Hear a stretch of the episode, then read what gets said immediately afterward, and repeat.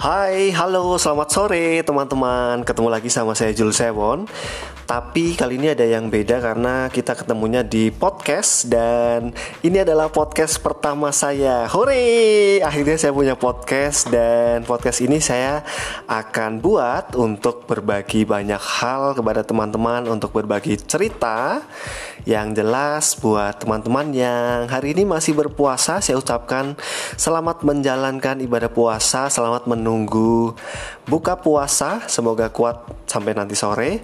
Dan melalui podcast ini saya akan berbagi banyak cerita kepada teman-teman. Dan juga kalian juga bisa ikut berbagi cerita bareng saya di podcast at Julsewon